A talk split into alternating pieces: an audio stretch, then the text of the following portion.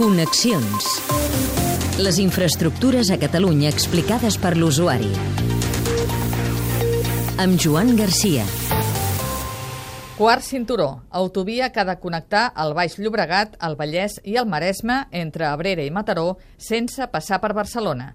Al 2010 se'n van inaugurar els trams Abrera-Olesa i Vila de Cavalls Terrassa. Avui tornem al quart cinturó perquè ens en parlin des d'un punt de vista diferent eh, com ho van fer la temporada passada la patronal Secot. I és que si hi ha una infraestructura al Vallès que ha generat més controvèrsia és la B40. Som a Sabadell amb en Manel Larrossa, un dels portaveus de la campanya contra el quart cinturó. On anirem ara, Manel? Anirem a la part nord del nucli urbà, la sortida que és cap a Sant Julià i Matadepera, que és uns espais lliures magnífics. Doncs vinga, anem-hi, tot caminant? Som-hi.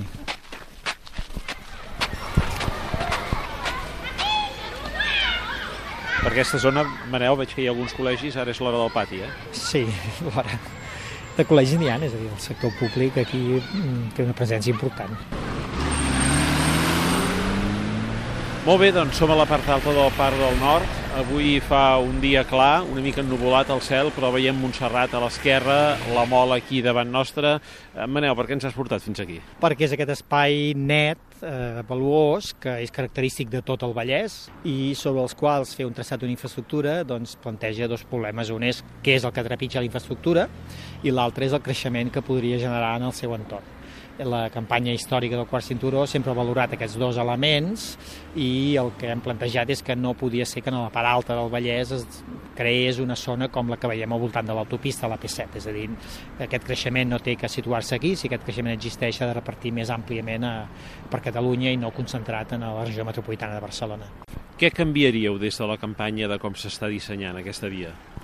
És que el problema no és una via, el problema és perquè serveix la via. Hi ha un plantejament de gestió de la xarxa i de completament, que falten rondes, les ciutats, com per exemple a casa de Sabadell, és un nus de carreteres que totes van a parar al centre de la ciutat, per tant, si hem de plantejar un tema d'habilitat l'hem de fer amb tot el seu conjunt i no únicament dient amb una autopista ho resoldrem. Eh? Aquesta és la manera que Espanya ha anat resolent les coses. Hem fet AVEs en comptes de rodalies i fem autopistes a dojo i, en canvi, no resolem els accessos a les poblacions.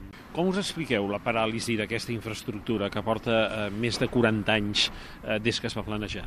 Bé, per una banda, ha fracassat dues vegades el tràmit, perquè la campanya del quart cinturó i altres institucions i entitats van oposar-s'hi i van guanyar jurídicament, es va guanyar, i per tant el tràmit es va fer d'una manera molt deficient, i per l'altra banda per un plantejament d'error, perquè el Ministeri, si vol fer una obra aquí, l'ha de pactar amb el territori, i no n'hi ha prou que doncs, alguna temporada hagi agafat un plano de la Generalitat, l'hagi copiat i l'hagi passat amb net, no n'hi ha prou. S'ha consultat prou el territori? No, perquè et sotmeten a una informació pública, eh, poses les al·legacions i no te les contesten. Per tant, és un tema com molt viciat de fa anys. Fins i tot amb la pròpia Generalitat hi ha hagut èpoques que l'orgull era màxim i, per tant, tampoc hi havia un diàleg suficient. Ara, els temps van canviant i cada vegada la crisi també ha provocat que tots siguem més raonables i que hàgim de fer més eficients la despesa que es faci i tot això va en el sentit positiu, però arrosseguem una llarga història molt maldestra alguna expectativa ara amb el govern del PSOE diferent de l'anterior amb el PP?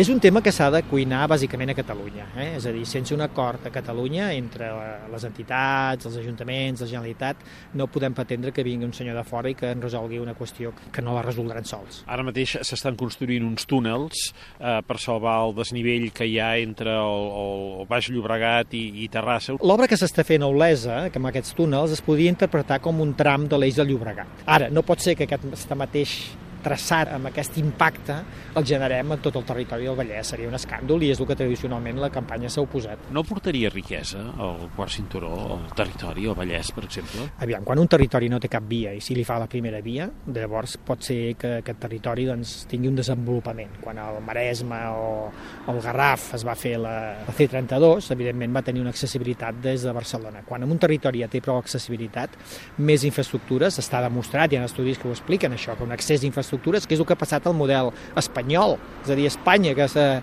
inflat de fer autovies per tot arreu, ha tingut un desenvolupament econòmic raonable? Doncs no. Tenim un deute enorme i no ha tingut aquest impacte. En llocs si hi ha una dotació d'infraestructura, afegir-n'hi més no és un motiu de creixement.